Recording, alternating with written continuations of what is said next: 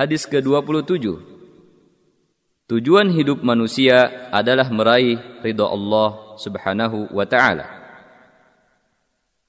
عائشه رضي الله عنها قالت سمعت رسول الله صلى الله عليه وسلم يقول من التمس رضا الله بسخط الناس كفاه الله مؤونه الناس ومن التمس رضا الناس بسخط الله وكله الله الى الناس Dari Aisyah radhiyallahu anha ia berkata, Saya pernah mendengar Rasulullah shallallahu alaihi wasallam bersabda, Barang siapa mencari ridho Allah dengan murka manusia, maka Allah akan mencukupinya dari manusia.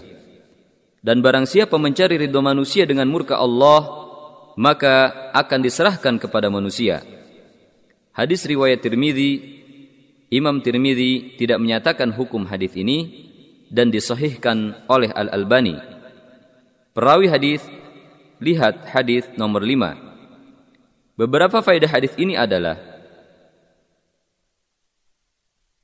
wajib mendahulukan ketaatan kepada Tuhan para hamba daripada ketaatan kepada para hamba. Barang siapa menjual agamanya dengan perhiasan dunia yang fana serta takut kepada manusia dan mentaati mereka dalam kemaksiatan kepada Allah dan tidak takut kepada Allah maka Allah akan menghinakannya dan membongkar rahasianya serta urusannya dipikulkan kepadanya.